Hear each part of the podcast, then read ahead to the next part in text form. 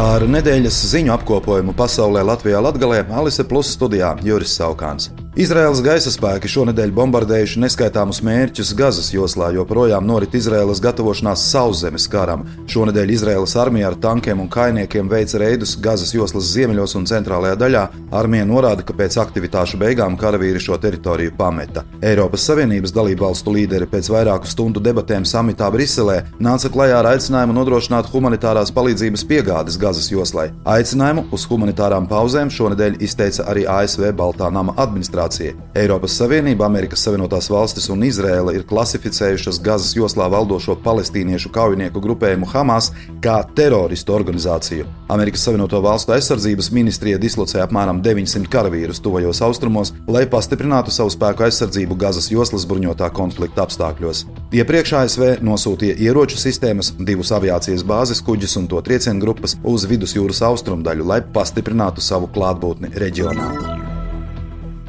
Francijā kopš palestīniešu grupējuma Hamas uzbrukuma Izrēlē, kas notika 7. oktobrī, reģistrēti jau 719 antisemītiski incidenti. Par to ceturtdien paziņoja Francijas iekšlietu ministrs Žerāls Darmanēns. Ministrs pavēstīja presē, ka saistībā ar šiem incidentiem aizturēti 389 cilvēki. Vācijā vairākas skolas un radiostacijas šonadēļ saņēma spridzināšanas draudus.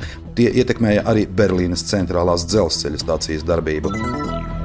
Šonadēļ Eiropas Savienības dalību valstīs Latviju ieskaitot stājās spēkā jaunie ierobežojumi aromatizētiem karsējumās tabakas izstrādājumiem. Ierobežojums neaizliedz pilnībā pievienot aromatizētājus, bet tikai ierobežo piedevu pievienošanu tādā apmērā, lai tie nerada izstrādājumam raksturīgu aromātu.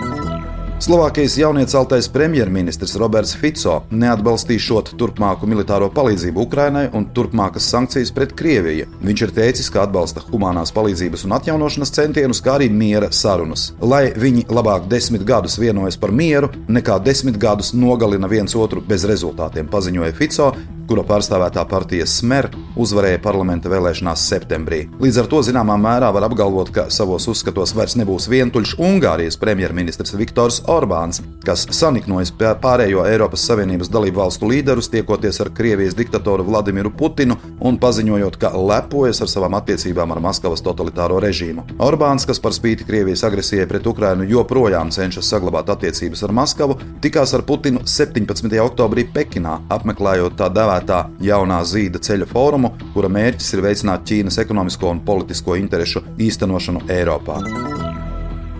Sājama šonadēļ konceptuāli atbalstīja ieceri liekt Latvijā uzturēties Krievijā reģistrētiem transporta līdzekļiem, tāpat konceptuāli atbalstīta Latvijas televīzijas un Latvijas rādio apvienošana, iecere veicināt regulētu pakalpojumu izmaksu paredzamību enerģētikas sektorā un arī grozījumi, kas ļaus uzteikt darbu valstī nelojāliem darbiniekiem. Sēma šonadēļ noraidīja priekšlikumu par atbilstošāku pensijas apmēra nodrošināšanu jaunajām māmiņām, kurām bērns ir piedzimis laikā, kad viņas nav darba attiecībās. Runa ir par sievietēm, kurām bērns ir piedzimis laikā, kad viņas nav darba attiecībās, un visbiežāk šajā grupā ir studentes vai sievietes uzreiz pēc studijām.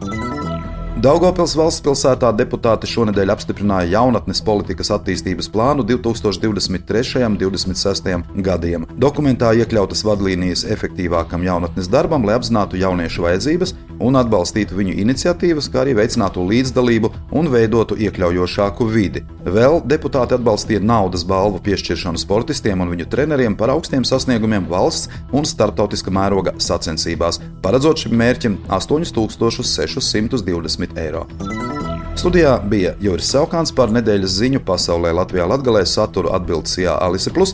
Projektu finansē Mediju atbalsta fonds no Latvijas valsts budžeta līdzekļiem.